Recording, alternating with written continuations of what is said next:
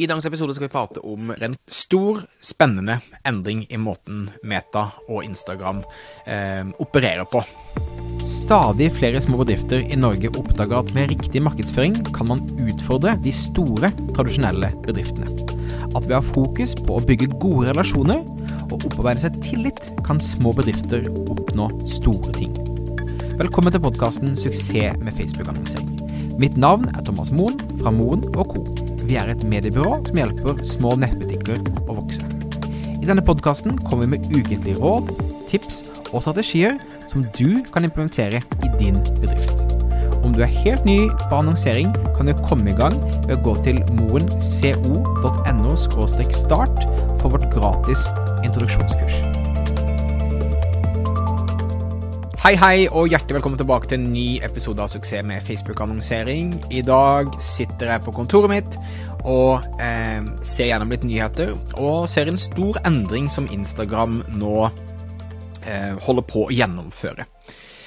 For et par år siden så startet Meta sin store shoppingfokus, der det var drømmen til Meta å ha eh, selve handelsprosessen skjene i skjene til å skje på enten Facebook-appen eller Instagram-appen. Det vil si, du fant et kult produkt du likte i feeden, du velger å kjøpe det direkte via f.eks. Instagram, Instagram har lagret kortet ditt, og du gjør hele handleprosessen på en mye enklere måte med å handle rett gjennom Instagram. Det var drømmen til Meta. Det har vist seg ikke være helt sånn folk liker å bruke Meta og Facebook akkurat i dag. Og eh, du kan si den største delen man så, var jo at, eh, at, eh, Instagram til og med da la en egen shoppingknapp som en av de fire knappene man ser på eh, når man eh, surfer på Instagram-siden sin. Um, men Instagram har nå eh, gått ut og sagt at de planlegger en kraftig nedskalering av shoppingfunksjonene i Instagram-appen. Eh, det vil si, Facebook, eh, eller Meta, gikk da ut og sa at eh, de ønsket å fokusere på funksjoner som direkte øker annonseinntekter. Det vil si at det er når folk scroller gjennom reels og gjennom feeds, så du kan vise mer annonser.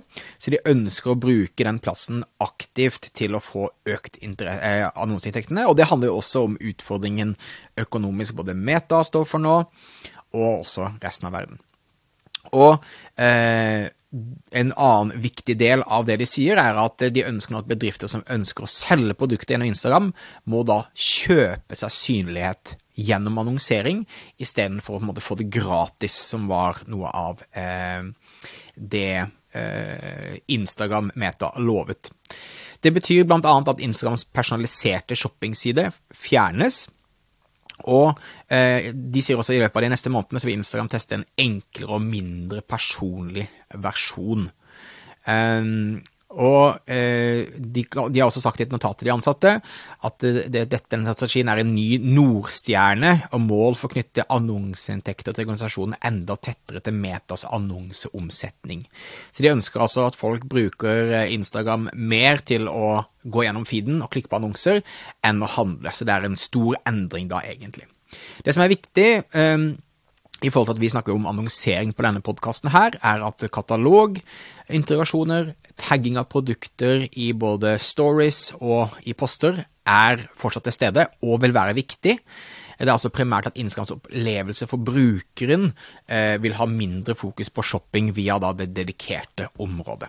Så du kan fortsatt få fantastiske resultater eh, ut av Instagram, som vi da gjør hver eneste dag med de kundene vi jobber med, i forhold til salg i nettbutikken din.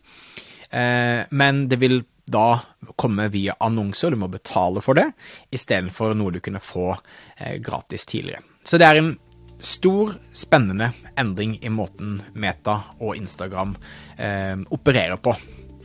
Ok, det var det. Takk for at du lytta på. Om du ikke allerede gjør det, husk å abonnere eh, på podkasten. Er du en nettbutikk som trenger hjelp med å vokse, sjekk ut moen.no for flere gratisressurser for å komme i gang. Mitt navn er Thomas Moen. Vi høres igjen neste uke for en ny episode av Suksess med annonsering. Hei da!